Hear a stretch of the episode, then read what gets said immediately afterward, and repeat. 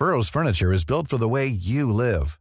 From ensuring easy assembly and disassembly to honoring highly requested new colors for their award-winning seating, they always have their customers in mind. Their modular seating is made out of durable materials to last and grow with you. And with Burrow, you always get fast, free shipping. Get up to 60% off during Burrow's Memorial Day sale at burrow.com slash ACAST. That's burrow.com slash ACAST. burrow.com slash ACAST.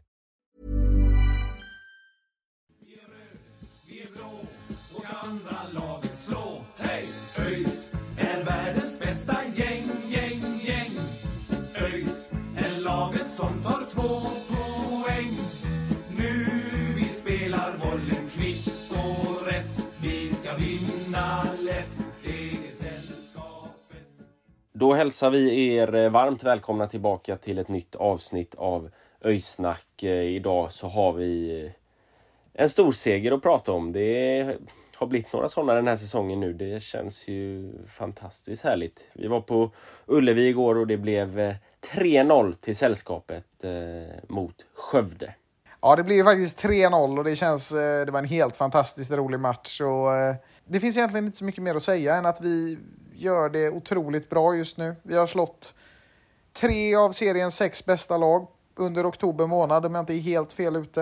Eh, det har varit eh, otroligt eh, framgångsrikt och att vi ligger där vi ligger i tabellen känns smått osannolikt just nu. Det, det är faktiskt svårt att ta in att vi ligger på en trettonde plats i, i tabellen. Vi var ju ute på Twitter efter att du hade gjort lite research och kommit fram till att vi faktiskt ligger över de 20 senaste spelade omgångarna så ligger vi två.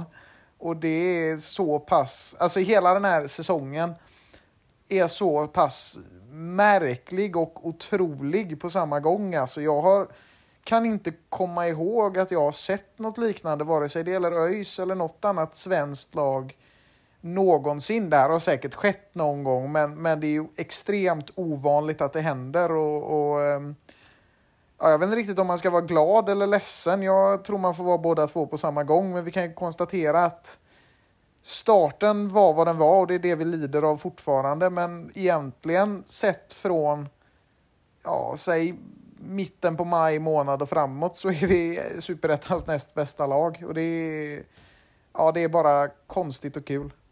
Ja men det är ju det är som du säger att, att det är starten som, som vi lider av. Eh, vi snackade ju lite om det där äh, i, igår på matchen. Att tänk om vi hade tagit någon seger där. Liksom, hade vi vunnit mot Halmstad? Hade vi liksom plockat någon, eh, någon vinst till? Haft lite marginaler på vår sida. Då, eh, då hade vi liksom varit med där uppe nu och, och, och fightas uppe om, eh, om den här allsvenska kvalplatsen. Eh, och nu istället så är vi på andra sidan av, av tabellen. Eh, det, det visar ju liksom dels någonstans hur, hur viktigt det är att, att inte hamna i en sån lång svacka som det blev där med en sju, åtta, nio matcher. Kanske till och med tio matcher va? och bara två, två poäng typ. Eh, och, och, och sen visar det ju också att det, det är superettan vi spelar i liksom. Att det, det skiljer så enormt lite mellan, eh, mellan det laget som blir uppflyttat och det laget som, som åker ner. Nu skiljer det ju bara eh, efter omgång 29 här så skiljer det eh, 13 poäng ifrån negativ kvalplats till positiv kvalplats och det är ju ja, det är ju så så det är ju det är liksom enormt enormt tajt i i superettan och det ja, allt kan hända i superettan. Ja, vi kan ju lägga in också att efter omgång 28 så var det bara två lag som visste var de skulle spela nästa år. Det var Brommapojkarna som var uppflyttade till Allsvenskan och Landskrona som då blev kvar i Superettan. Nu är det ju efter omgång 29 ganska många till som vet, men att bara två lag liksom vet klart var de kommer befinna sig nästa säsong med två omgångar kvar. Det är, det är helt absurt egentligen. Ehm, och det är, alltså grejen är att ser man över de senaste åren så, så är det ju ganska tydligt att vi har en svacka varje år och det är ofta den som knäcker oss egentligen. Eh, de senaste åren så har den kommit väldigt tidigt och eh, det har ju påverkat oss hela säsongen. Jag menar alltså, säg att vi vinner, eller säg att vi hade vunnit en match till och tar Brommapojkarna på, på söndag, då hade vi ändå kanske kommit åtta till och med. Nu har jag inte de exakta siffrorna vad det hade lett till, men någonstans runt åttonde plats. Och, och hade vi tittat tillbaka på bara placeringen så hade vi nog ändå sett det som en okej okay säsong de dåliga starterna gör ju att vi hela tiden går runt med en dålig känsla och det är ju jättetråkigt att det är så. Sen, sen är det ju meningslöst att sitta och älta dåliga starter på säsongen. Det, det bästa man kan göra är att se till så att nästa år blir bättre. Men eh, nej, det är otroligt eh, obskyrt i den här ligan varje år och och eh, i år så kanske den här stora sensationen i form av uppflyttning till allsvenskan inte riktigt har skett. Men, men jag skulle vilja påstå att tabellen är sensationell så som den är utformad idag. Ja men så är det, så är det verkligen. Alltså det, den, är, den är otroligt jämn och vi ska komma in lite mer på tabellen senare. Vi, vi ska ju göra det som vi har gjort de senaste poddarna här och dra ett, ett ligasvep och då, då får vi ju dra igenom tabellen där också. Gäng, gäng, gäng. Men om vi börjar och, och, och gå in lite då på den matchen som vi spelade i går lördag då på eh, Gamla Ullevi, sista hemmamatchen för i år och eh, ja, det var en i, i min mening så, så, är det en av de absolut bästa matcher, kanske den bästa matchen vi har gjort i år sett över 90 minuter, att vi egentligen var bra och vi kontrollerade matchen rakt igenom. Och vi, vi, liksom, vi hade... Nu blev det 3-0, vi har gjort fler mål. Eh, Norrby gjorde vi fem mål, men vi hade bud på fler mål. Vi spelade väldigt bra, vi var väldigt stabila defensivt och, och liksom hade kontroll på Skövde genom hela matchen tycker jag. Så det, ja, jag skulle vilja säga att det, det, är, eh, det är den bästa matchen vi har gjort i år. Ja, jag håller med. Alltså, I just den matchen så spelar vi verkligen som ett topplag gör och det tycker jag har varit återkommande under många matcher här under hösten. Eh, det är tydligt från första minuten egentligen vilket lag det är som, som dominerar matchen och det fortsätter till, till den sista. Ehm, och precis som du säger, alltså jag tycker vi har två situationer som väl borde varit mål egentligen eh, under matchens gång.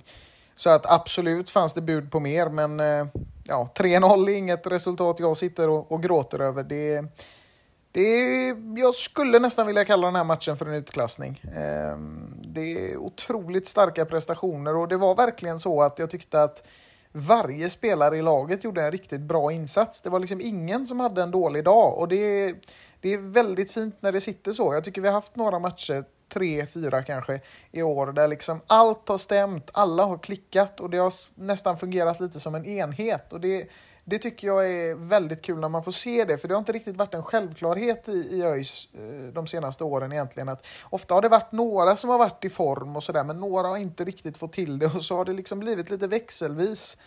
Att, att vissa är bra och vissa har inte riktigt form, men nu är vi på en punkt där jag tycker att egentligen alla är i väldigt bra form. Och så har det egentligen varit hela månaden. Visst, vi har haft någon match som har varit lite halvtjaskig och det var väl Östermatchen där som blev oavgjord, men jag menar då spelar vi ändå oavgjort mot ett lag som kommer kvala till allsvenskan och gör det absolut helt okej. Okay, Ja, det var väl eh, Jönköping där som var, var lite sämre då.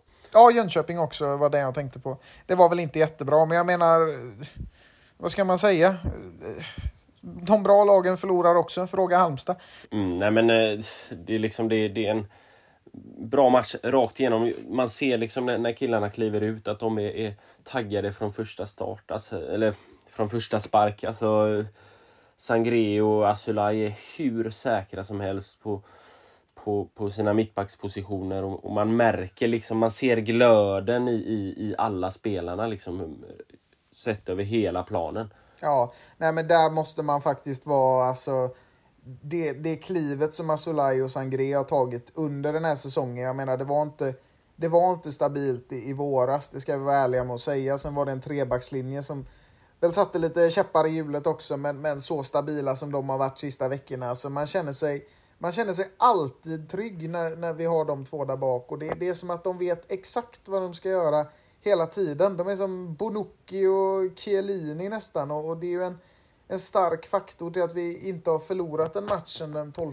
september när vi mötte Trelleborg. Jag sa väl att även de bra lagen förlorade. Det gjorde vi faktiskt inte mot Jönköping. Det var en jävligt trökig match, men förlora gjorde vi inte. Och det, det ska de ha väldigt mycket cred för. Det är fler som ska ha det, men, men de är otroligt skickliga där bak och det, det känns alltid pålitligt. Och jag vill än en gång faktiskt framhäva Robin Wallinders framväxt som, som en riktigt, riktigt bra målvakt. Nu hade han inte så mycket att göra mot Skövde, men det lilla vi fick se, det var bra och det, det kliv framåt hela tiden. Ja, nej men, eh, nej men absolut så, så är det. Ehm, och, och, om vi ska gå in lite på, på målchanserna. Ehm, du sa att vi hade bud på ytterligare ett par, tre mål.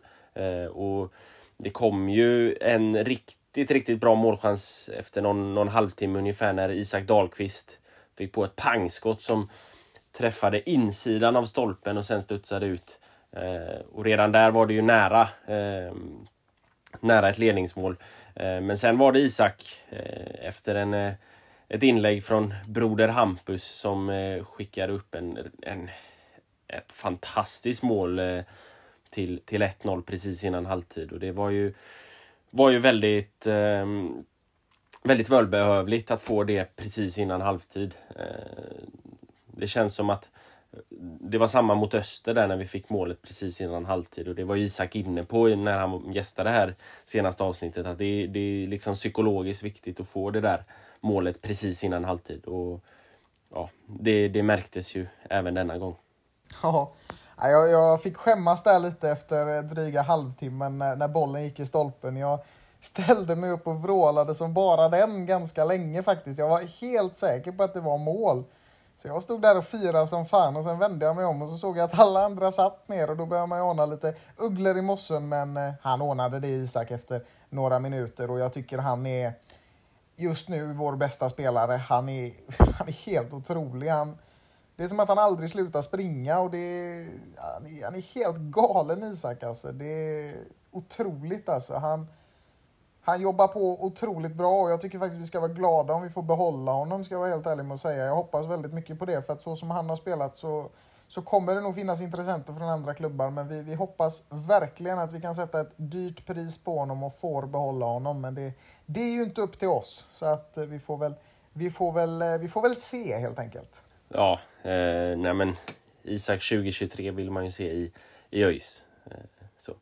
Eh, men, men eh, sen så kom vi ut där i andra halvlek. Vi, vi liksom fortsatte att ösa på men det, det var inte de här riktigt heta, eller riktigt heta säger jag. Vi hade en riktigt, riktigt het, het chans ifrån eh, Viktor Lundberg som, som fick bollen efter fint eh, kombinerande. Nu vet jag inte vem det var som eh, som han spelade med där. Men, men han fick fram bollen, var det Sadiku som, jo det var Sadiku som hoppade över på ett inlägg från Hampus eller någon, jag vet inte. Men så fick eh, Lundberg bollen precis framför mål. Tyvärr så brände han den över mål. Eh, det var ju ett jätteläge att utöka till, till 2-0, men det kom ju några minuter senare. Eh, det var Sangré som satte igång ett anfall, spelade bollen till Isak Dahlqvist va, som hade nästan ett skottläge men som istället då spelade ut den till nyss inbytte Niklas Bärkeroth som kunde skicka dit 2-0. Eh, och där och då var det en fantastisk stämning på Ullevi. Ja, precis. Nej, men Sangré har ju visat att det inte är en engångsföreteelse, att han är extremt skicklig offensivt. Eh, precis som vi har varit inne på flera gånger så jag hade ju nästan velat sätta honom som mittfältare. Sen, sen är han så bra som back så att det vill man ju inte samtidigt, men han är han är helt otrolig offensivt och lyckas liksom skapa, egentligen varje gång han springer upp så blir det livsfarligt och även om det inte blir så många gånger så är det tillräckligt för att det ska ha hänt fyra, fem gånger nu liksom. Och det såg man ju egentligen från hans första match 2021 att när han hänger med upp ibland, de få gångerna han gör det, så, så blir det farligt. Och det, det är en enorm kvalitet för en back att besitta det där. Så att alltså Sangré är vass som fan just nu och ännu ett assist för, från Isak och ännu ett mål från Niklas som ju kom in några minuter innan och ja, han gör det ju åter en gång superbra och visar ju att det finns en enorm klass i, i honom och det, det, det syns att det är en, en klassspelare. Eh, om, vi, om vi backar bandet lite där till, till Erion Sadiku så tycker jag verkligen han börjar komma in i det också. Jag tycker det är en väldigt bra match av honom. Tyvärr så, så drar han ju på sig en skada. Det såg ut som att det var baklåret där som, som han tog sig mot och haltade av plan. Så vi får hoppas på en eh, god bättring för honom. Eh, med tanke på hur det såg ut så betvivlar jag att vi kommer få se mer av honom i år. Men eh, hålla tummarna kan man ju alltid göra och det, det är stark match av Erion. Jag tycker han gör det riktigt bra. Så att eh, det är tre spelare som, som är i jättebra form och det är kul att kunna säga att det finns många fler. Så att, 2-0 var välförtjänt och någonstans där så, så ser man ju också hur Skövde liksom kommer av sig och på ett sätt så syns det ju lite på Skövde från 2-0 målet att det är ett lag som liksom inte har så mycket att spela för och när det har runnit ut i sanden så kanske den här sista geisten som fanns i omgång 12 inte riktigt finns längre. Ehm, sen ska man ju inte ta ifrån dem att de har gjort en jättefin säsong. Det är ju den bästa säsongen i, i den klubbens historia och vi såg ju också på bortaläktaren att det var ett ganska stort sällskap Skövdebor som hade tagit sig till till Gamla Ullevi och det är ändå kul att se att den svenska fotbollskartan... Ja, med Skövde-mått mätt då. Jo, jo, naturligtvis, men vi får ju också tänka på att det är Skövde vi pratar om. Det det, det är inte Hammarby direkt. Men, men jag menar, man, man ska ändå ge Skövde att alltså, de gör en stark säsong och det märks att det här engagemanget finns och det kan ju vara något som, som växer sig större och, och att den svenska fotbollskartan breder ut sig över Västgötasocken. Det, det välkomnar man ändå för det har aldrig riktigt funnits något bra lag därifrån. Det är, det är ofta Elfsborg som gäller där uppe. Och det är väl kul att de får något lokalt också, att eh, Kommers i Skövde, eller att det är väl kul att Skövde har något mer än eh, bara kommers också. Eh, det, det är stort. Kommers är då ett köpcenter i Skövde. Det kanske var lite otydligt där, men, men så ligger det till i alla fall. De har ett badhus också. Det, Marcus, där var ju du och jag på nyårsdagen 2020. Men eh, det, det är en annan historia. Ja, det, det, det är verkligen en annan historia. Men det var jävla snabba vattenrutschkanor. Men, men sen så fick vi en, eh, en straff i alla fall efter eh, vårt 2-0 mål och då är det ingen mindre än numera den stensäkra straffskytten Jonathan Asulaj som kliver fram och dunkar in bollen och det är 3-0. Asulaj sätter sin tredje straff på tre försök i år och eh, ja, tre poäng till, till ÖIS. Tre plus i målskillnad och eh, över kvalstrecket inför sista omgången. Och det kommer också att betyda, med tanke på de resultaten som, som följde under eh, omgången här att vi nu behöver ett kryss mot BP för att klara kontraktet. Eh, lite beroende på då om eh, hur det går i Örebro och Jönköping-matchen. Förlorar Jönköping där så räcker det med eh, en förlust också i och med att vi har bättre målskillnad än Jön Jönköping. Eh, Såvida vi inte förlorar med typ 20-0 men det håller jag för osannolikt. Så eh, ja, en väldigt, väldigt viktig seger och, och väldigt bra att vi, vi gör tre mål och, och kommer upp ännu lite mer i målskillnad. Precis, och vill bara lägga till på, på Asulais del där att eh, han påminner lite om ÖIS 2022. Han är någonstans en definition för det. Hans straffar har blivit en definition för det. Det var, eh, det var harvigt i våras och då, då blev det inga straffar. Men, men igår så såg man på honom när han klev fram att det bara dånade självförtroende om honom och bollen satt som en smäck. Och lite så är det med ÖIS. Det var inte så kul i våras och det harvade lite och nu är det bara självförtroende överallt. ÖIS är världens bästa gäng, gäng, gäng. Men om vi nu ska ge oss in på liksom och, alltså bara att få en överblick över tabellen med en omgång kvar. Det är ju lite som att jobba på NASA. Va? Det är jävligt många delar ska, som ska sitta ihop för att man ska få ett resultat. Det är någon som ska spela oavgjort och någon som inte ska göra det och, och sådär. Men vi ska väl försöka ge en så pass bra förklaring vi kan och det gjorde du bra tyckte jag Marcus. Eh, men det är jävligt avancerat tycker jag själv. Ehm men om vi går igenom då veckans eh, resultat, för alla matcher är faktiskt spelade, trots att vi spelar in det här på söndag kväll. Det, det var inga måndagsmatcher den här veckan. Eh, vi vann med 3-0 mot Skövde, det har vi pratat om. Eh, match nummer två i den här omgången då, det var en match som inte riktigt gick vår väg. Det hade varit bra om den gjorde det, men mm, Västerås slog Brage med, med 2-0. De låg ju pyrt till i, i Gurkstaden. Men eh, lyckades faktiskt att bräcka Brage då som ju eh, föll bort totalt från allt vad, vad toppstrid heter. Så att, eh, mm, inget eh, avancemang för Brage, men en eh, säkrare plats just nu för Västerås. Eller ja, den är faktiskt så pass säker att Västerås kommer att spela i Superettan nästa år. Precis. Eh, och det är ju egentligen bara det är ju egentligen på grund av att eh, Örebro och Jönköping möter varandra där då.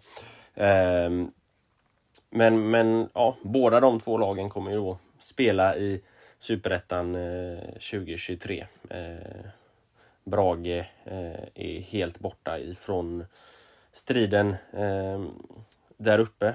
Eh, och eh, Västerås klarar sig eh, med minsta möjliga marginal får man väl säga.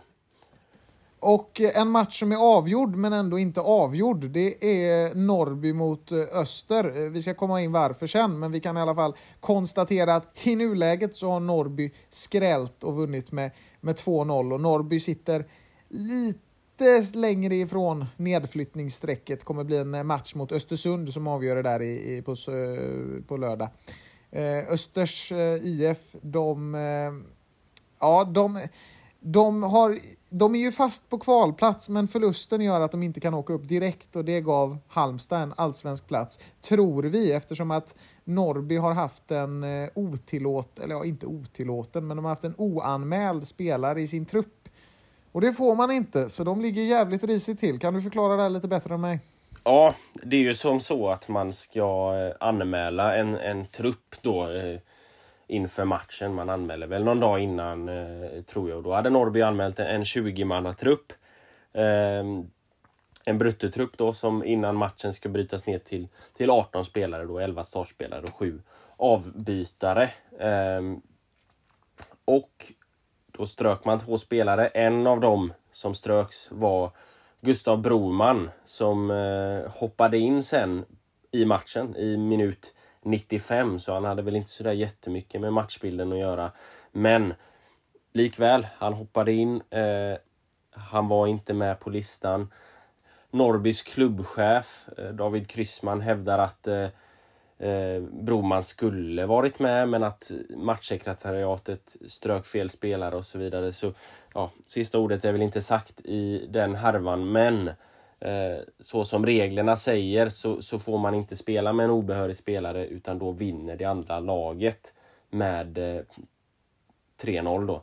Eh, och i så fall så lever ju faktiskt Öster och eh, det har ju mindre betydelse för ÖIS, men då, då lever ju all, all, den allsvenska platsen för Öster, för då kommer de gå upp på 51 poäng. Eh, Medan Halmstad då som förlorade mot AFC som vi ska komma in på eh, har 53 poäng. Och då eh, är ju Halmstad helt plötsligt inte klara för allsvenskan. Så ja, vi får väl se hur det där, eh, hur det där slutar. Eh, man kan väl tänka sig att de, de måste ju egentligen göra klart eller liksom döma det här innan lördag, annars så blir det ju väldigt konstigt. Ja, vi kan ju konstatera också att det är jävligt rörigt för Norrbys del också. För att de, om de då förlorar med 3-0, då ligger ju de på 15 plats bakom Östersund och blir tvingade att slå Östersund för att hålla sig kvar i, eller ja, för att ta en kvalplats helt enkelt.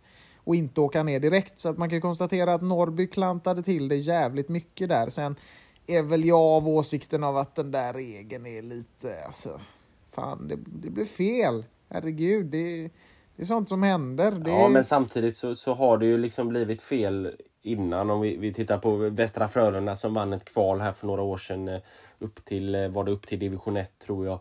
Eh, de hade en spelare som hade tagit ett tredje gult kort i grundserien och sen så trodde de att det var en ny serie då i, i kvalspelet eller vad man säger. Ehm, och då, då blev de ju faktiskt av med den, den kvalplatsen. Sen, ja, man kan väl hävda att ja, han spelade i 30 sekunder, nuddade aldrig bollen. Men regler är väl någonstans eh, regler också. och, och eh, regel, regelverket är ju tydligt på det sättet. Så, så eh, ja, vi får väl se vart poängen landar. Om det blir Norrby som får tre poäng eller om det blir Öster som får tre poäng. Eh, Ja, det är inte ofta jag går till strid för Borås överhuvudtaget, men ah, den här tycker jag vore lite hård om Norrby förlorade faktiskt. Jag tycker det är lite, lite överdrivet. Sen förstår jag ju regelverket som det, det är utformat, men nej, jag vet inte. Ja, det blir lite rörigt denna. Ja, vi får väl se vad som händer. Hur som helst, eh, nästa match eh, var en eh, något underhållande sådan kan man väl säga.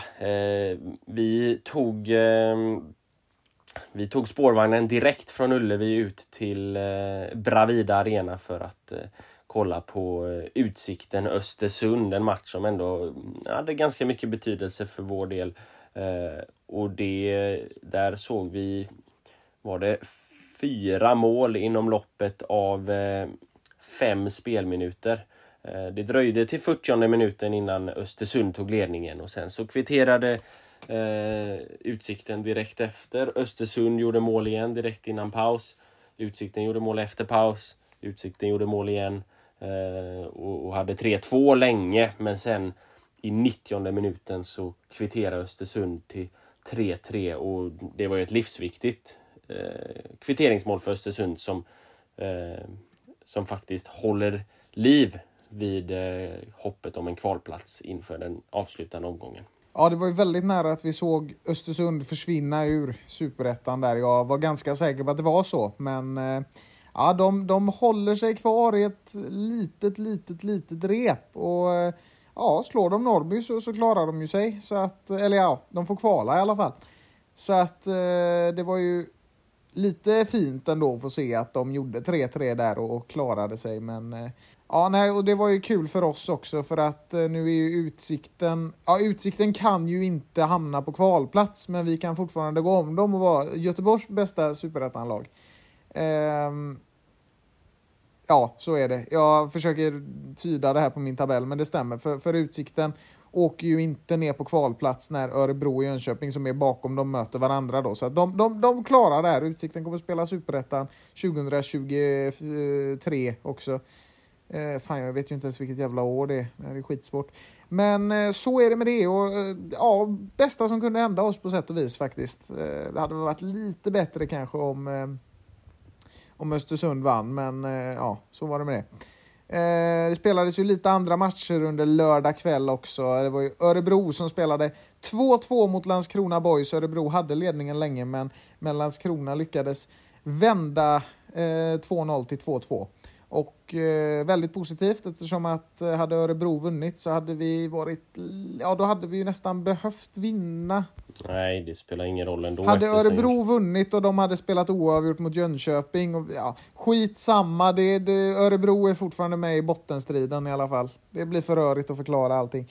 Men, Eller jo, då hade vi nästan behövt vinna beroende på resultatet. Ja. Ja, ja, det blev 2-2. Det går ju för fan inte att räkna ut det här. Vi är för fan inga matematiker. Eh, AFC Eskilstuna slog Halmstad med 2-0 och Halmstad blev ju klara för allsvenskan. Vi får väl se om de egentligen blev det, men alltså tänk om Öster får segern mot Norrby och faktiskt lyckas slå Halmstad i striden om den allsvenska kvalplatsen. Halmstad gör ju århundradets jävla jinx alltså. Ja, alltså. Vad är det som händer?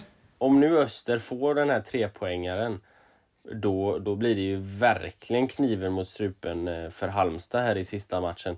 Och det, det är ju inte, kan, kan ju inte vara helt lätt när man liksom har känslan att man redan är klar eh, och sen så ska man ut och, och spela om det igen liksom. Eh, nu möter ju Halmstad Brage här i sista omgången och Brage har ju klappat igenom totalt och stängt ner säsongen känns det som. Eh, så det borde väl rimligtvis gå vägen ändå men man vet ju aldrig liksom. Och, ja, vi får väl invänta besked kring den här matchen då men, men eh, just nu så är, är Halmstad klara för, för allsvenskan i alla fall.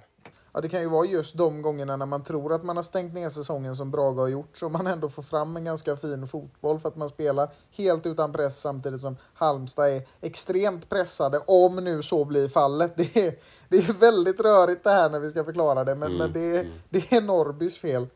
Så ja. vi får se om superettans blindtarm blir bortopererad till slut. Ja, ja, det var lite ja vi får väl se. Vi får väl se. Men apropå eh, ett lag som har stängt ner säsongen och, och, kanske skulle varit lite bortkopplade men som verkligen var påkopplade. Det var ju i idag när Dalkurd mötte Jönköping. Eh, där var det i synnerhet Pashang Abdullah eh, ifrån eh, Dalkurd som verkligen eh, var, ehm, var på spelhumör. Eh, han gjorde fyra mål när Dalkurd vann med eh, 5-2 mot Jönköping. Jönköping tog ju tidigt ledningen eh, och där kände man att åh, skit också, nu får vi eh, ytterligare ett resultat som inte går, går vägen för oss.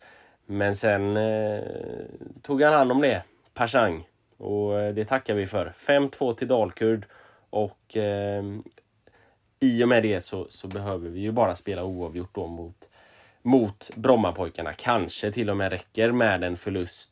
Um, ja, beroende på hur det går i Örebro, Jönköping. Mm. Ja, det var ju väldigt tacksamt. Eh, vi får rikta ett enormt tack till Dalkurd som ju egentligen var utslagna redan när den här matchen spelades. Nu är det ju inte säkert att de blir det då när Norrby jo. ligger där de ligger. Nej, det är det inte. För att eh, om Norrby blir fråntagna tre poäng och de och Östersund spelar oavgjort och Dalkurd vinner. Så, men det, det är jävligt mycket som ska till. Men är det några som skulle kunna fixa en sån grej så är det ju, är det ju Dalkurd. Eh, så vi eh, riktar ett stort tack. Allt från i våras är förlåtet. Vi älskar er. Eller ja, eh, bra jobbat i alla fall. Alltså, nu ska vi dra in lite på superlativen här kanske. Men, men så var det i alla fall. Och Pashang Abdullah gör ju sitt livs match, fyra mål. Det är ju inte varje spelare som gör det. Jag trodde det bara var Haaland som kunde göra sånt nu för tiden. Ehm, så så var det. Och ehm, en match som egentligen inte påverkar oss eller tabellen alls. Det var ju den mellan Trelleborg och Brommapojkarna som var omgångens sista. Brommapojkarna vann med 2-1. Och på ett sätt var det kanske lite bra för oss ändå, för att det gör att de nu har säkrat seriesegern och inte ens har den att spela för på lördag. Nej men precis, Brommapojkarna har, eh, har ju absolut ingenting att spela för och det, det är bra för vår del. Eh, och så får vi hoppas att eh, vi, vi helt enkelt eh, plockar minst en poäng eh, på Grimsta här nu på lördag nästa vecka. ÖIS är världens bästa gäng. Men innan vi går in och snackar om den matchen så ska vi gå igenom ett litet eh, segment här. Veckans eh, roligheter eller vad man ska säga. Det, får väl börja bli en tradition här nu att vi har börjat... Eh, Skojiga klubben heter den. Ja, ja precis. Att, att liksom vi, vi, varje vecka så gör vi någonting. Mm, lite roligt inslag. Denna veckan så ska vi ranka våra tre bästa eh, matchtröjor från 2000-talet. Eh, så vi har satt ihop ett litet collage med alla eh, tröjor från 2000-talet som vi ska kolla igenom och eh, bedöma våra tre bästa. Eh, så eh, jag får helt enkelt fråga dig Sören, vilken, eh, vilken tröja tycker du är på nummer, eh, plats nummer tre i denna listan? Jag är ju egentligen en sån som är av den karaktären att jag gillar när tröjorna ändå är relativt reklamfria. Ehm, och egentligen så är det ju mycket reklam på alla de här tröjorna, men jag har ändå hittat några som jag tycker är riktigt hög klass. Och jag eh, skulle vilja på min tredje plats sätta en tröja som, ja den har rätt mycket reklam, men jag tycker ändå den är stil, stilren alltså. Det, det är tröjan från 2011, jag tycker den är lite snajsig sådär. Det finns Åbro är med och Stena Line-loggan som jag ändå tycker personifierar ÖIS lite. Jag ska komma in mer på varför om en stund. Eh, men jag tycker det är bra färgsättning. Jag gillar när man får in det blåa rätt mycket. Jag tycker det, man har glömt det lite några gånger. Här har vi en fin blå krage och blåa ränder och sådär. Jag tycker det blir jävligt bra faktiskt. Så att den hamnar på min tredje plats. Okej, okay. 2011 alltså. Eh, första året i eh, division 1 då. Eh, som det ju var. Eh, jajamän. Så det var ju ett skitår för övrigt. Ja, på min eh, tredje plats så har jag tröjan eh, ifrån år 2000. Eh, första tröjan på 2000-talet eh, tröjan som vi ju då vann Svenska kuppen i. En, en väldigt eh, fin tröja tycker jag, men jag gillar det här vita bandet mitt på eh, och, och, att det är en krage, en blå krage på. Så ja, den tycker jag är, är, är fin. Jag håller med. Jag tycker det där gröna det är grön text på det stora vita strecket. Mm. Där, ja. Det tar ifrån mitt intresse lite, men jag förstår helt vad du menar för det är ett jävligt bra koncept. Ja, tyvärr. tyvärr. Det hade varit snyggare om det var röd eller blå text. Ja, på min eh, andra plats så har jag faktiskt satt tröjan från 2019. Den hade ju en blå Nike-logga och det tyckte jag blev väldigt effektfull. Och det var bara tre sponsorer på bröst, eller det var bara en stor sponsorlogga på, på på magen eller precis under bröstet. Det var, det var HA bygg det året och sen var det lite andra som satt högre upp. Men de var ändå ganska diskreta och, och den tröjan är ju lite speciell för mig också för det var faktiskt den första ÖIS-tröjan jag ägde. Mm. Eh, nej, men den är fin. Jag gillar också när den har, den har en liten knapp där eh, i, i kragen. Lite sån retro, retro-style där. Så det, det är fint. Eh, den som jag har valt det är tröjan från 2018. Eh, det var ju då man kunde sätta sitt namn på så jag tycker det är väldigt jag tycker det var ett väldigt coolt eh, projekt eh, att man kunde sätta sitt namn, att det sitter namn över hela tröjan och ja, den är lite mörkare röd precis så som jag tycker att det ska vara också. Så ehm, 2018 är min eh, nummer två. Eh, vilken har du på första platsen då? Ja, nej, men på min eh, första plats har vi i alla fall en tröja som jag tycker är helt klockren och som, eh, som ju eh, var, var från ett bra år också. Det var då vi, senaste gången vi åkte upp i Allsvenskan var det 2008. Och jag tycker att den stora Stena Line-loggan där på, på magen, den sitter så jävla fint och så är det liksom lite vitt ut på armarna och, och, väldigt fint i de blåa shortsen. Och den får liksom in alla våra färger på ett jävligt bra sätt. Så att, och, och just det här med Stena Line tycker jag, det är så klockren referens till ÖIS att ha den på, på bröstet. Liksom. Det, det, det är båtar och det gillar vi som möjsar och segla. Och den passar fint till seglarskorna också. Och, och så är det liksom, det, det, det, är inte sport också på som är en väldigt bra logga för den är också blå, vit och röd. Och det finns massa bra grejer på den här som jag starkt brinner för. Dunross och Company är ju med. Det var en stor eh, tröjsponsor under början av 2000-talet. Den fick en plats på benet den här gången, eller på shortsen då. Så att eh, jag tycker det är väldigt klockrent. Det är en fin färgblandning. Det finns lokal förankring i allt det här och till och med sponsorerna matchar. Så att, ah, eh, 2008, klockren årgång, klockrent matchställ. ja, vilken, eh, vilken motivering. Um det var ju faktiskt den första ÖIS-tröjan som jag hade, så den är lite speciell för mig. Jag har den eh, hemma, eh, signerad av, av, några spelare, Marcus Hallbäck, eh, Boyden Vila bland annat. Um, och, och, och, den har jag faktiskt inte, inte tvättat sen 2008, sen, eh, kanske låter lite äckligt, men, men sen vi, eh, vi gick upp i, i Allsvenskan för att jag dels fick ju autografer på den och sen så stormade jag planen så den är lite sliten så på, på Stena Line där från, från planstormningen. Um, alltså det är därför det luktar så jävla äckligt i din lägenhet. Ja, jag jag Nej, jag skojar. Um, nej, men, men eh, det är faktiskt inte min, eh, min favorittröja. Jag tycker den är lite för ljus i, i tonen, i den röda tonen. Va? Uh, min favorittröja eh, Eh, är istället årets tröja faktiskt. Jag tycker att den är helt klockren. Jag tycker det är väldigt, väldigt snyggt med de här eh, blåa och, och guldiga banden längs med eh, dels i kragen och dels i, i slutet på tröjärmen. Och jag tycker det är väldigt snyggt att den här eh, röda tonen är lite, lite mörkare. Eh, och sen är det ju ganska stilrent tycker jag med att alla alla loggor är, är vita. Att man inte håller på att blanda massa olika färger.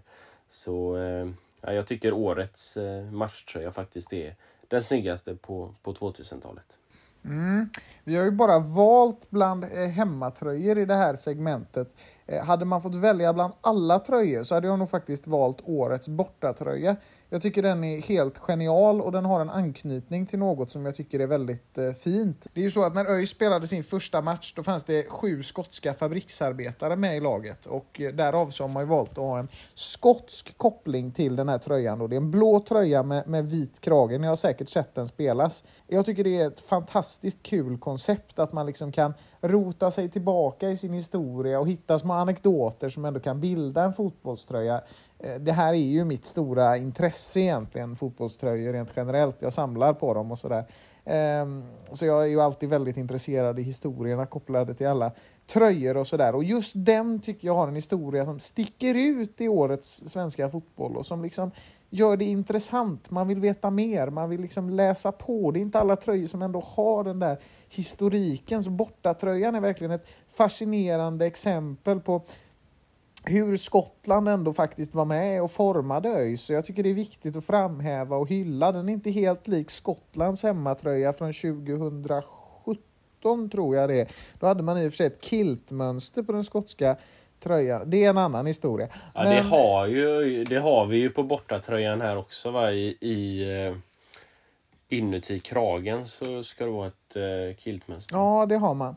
Eh, på den här har ju den skotska hemmatröjan från 2017 eller om det är 18 har ju liksom det lite mer på utsidan. Det är lite neutralt i det blåa så har man fått till det där och, och det ligger ju en liten fascination i det här skotska liksom den där det där lilla landet som, som, som kanske en dag till och med kommer bli självständigt i, i den nära framtiden. Och, och det är highlands och det är lowlands och det är säckpiporna och ja, det finns någonstans en mystik kring Skottland som jag, som jag tycker är ganska fascinerande. Det, det känns nästan som en bortglömd del av Norden. Och det finns många intressanta städer, Aberdeen, Edinburgh, och Glasgow. Min personliga favoritstad i Skottland är faktiskt Falkirk. Jag, jag håller på Falkirk i den skotska ligan eh, ha lite anekdoter kopplade dit. Falkirk har ju faktiskt ett kyrktorn på sin logga. Och det är det största kyrktornet i staden. Nu är det ju inte Falkirk-snack med Sören och Mackan som det handlar om idag. Men jag tycker ändå det, det är jävligt kul att snacka om sånt här. Alltså. Ja, du är lilla Erik Niva kan man väl säga. ÖIS Erik Niva. Ja, jo, Erik Niva från Göteborg. Ja, precis. Ehm, men vi kanske får göra en, en bortaställ edition på den här eh, framröstningen eh, någon gång eh, lite senare. Det, det kanske vi kan fixa. Ja, det kanske man får ansvara för. Det får nog bli i höjd med att nästa års bortatröja släpps. För jag tycker att Umbro har ett fint helhetstänk när det kommer till det här. Och mm. Jag gillar den, den sponsorn. Det är kul. Ja, det, det får, vi, får vi försöka lösa. Um, det var väl egentligen allt som vi hade för idag. Nu är det dags att ladda om inför den avslutande matchen, den mot, mot Brommapojkarna alltså. Som, som går nästa, nästa lördag, nu på lördag alltså. Eh, förutsättningarna är enkla. Det krävs minst en poäng, eh, lite beroende. Det kan krävas noll poäng, lite beroende på resultat i övriga matcher och så vidare. Eh, men en, en poäng och vi är helt, helt klara. Eh, det blev ju en poäng senast vi mötte Brommapojkarna så eh, ja, vi får hoppas på minst en poäng den här gången också. Mm, ja men så är det. Det är en, eh, som alltid en väldigt viktig match och jag tänker inte sitta och älta den matchen mer än att jag vill ha tillräckligt många poäng som behövs för att vi ska stanna kvar i den här serien utan att behöva kvala. För ett kval, det, det tror inte jag jag orkar med. Alltså jag, fy fan vad nervöst det hade varit. Alltså man hade haft sån jävla noja. Alltså det hade varit sketjobbigt. Man hade mått dåligt. Nej, det klarar vi oss utan. Ja men så är det. Eh, jag ska ju upp till eh, Stockholm så vi ses där och så, ehm, så hejar vi fram ÖIS till tre poäng. Du eh, stannar ju hemma. Ja, jag åker inte till Stockholm. Jag hatar Stockholm. jag har varit där två gånger i mitt liv och hade det varit så att det hade varit en match som hade Alltså där vi hade varit som hade varit extremt viktig på det sättet att det hade inneburit att vi hade åkt upp eller ner i en serie, då hade jag satt min fot där. Men jag, jag sätter inte min fot i Stockholm och det tänker jag inte göra heller. Om det inte är utav största angelägenhet och det är det väl till viss mån här. Men jag avskyr Stockholm och vill inte åka dit. ja, så jag får åka dit istället. Ehm, men ja, vi hörs helt enkelt efter efter nästa, nästa match då mot eh, BP och sen ja, efter det så ska vi väl summera säsongen också. Sådär och, det blir kul. Eh, Förhoppningsvis ja, så kan vi göra det på säker mark. Och det, det kommer ju också vara lite kvalmatcher och sånt där som förhoppningsvis inte kommer intressera oss för mycket, men, men de kommer ju äga rum. Mm, men det är ändå kvalmatcher som vi, som vi behöver vänta ut för att Precis, och summera var, säsongen och, och snacka lite inför nästa säsong. Men eh, ja, det var väl allt för idag. Så får ni ha det, ha det så bra fram tills eh, lördag då när vi ses i Stockholm. Så eh, ja, ha det gött. Hej! Vi är blå och andra laget slå. Hej! ÖIS är världens bästa gäng, gäng, gäng. ÖIS är laget som tar två på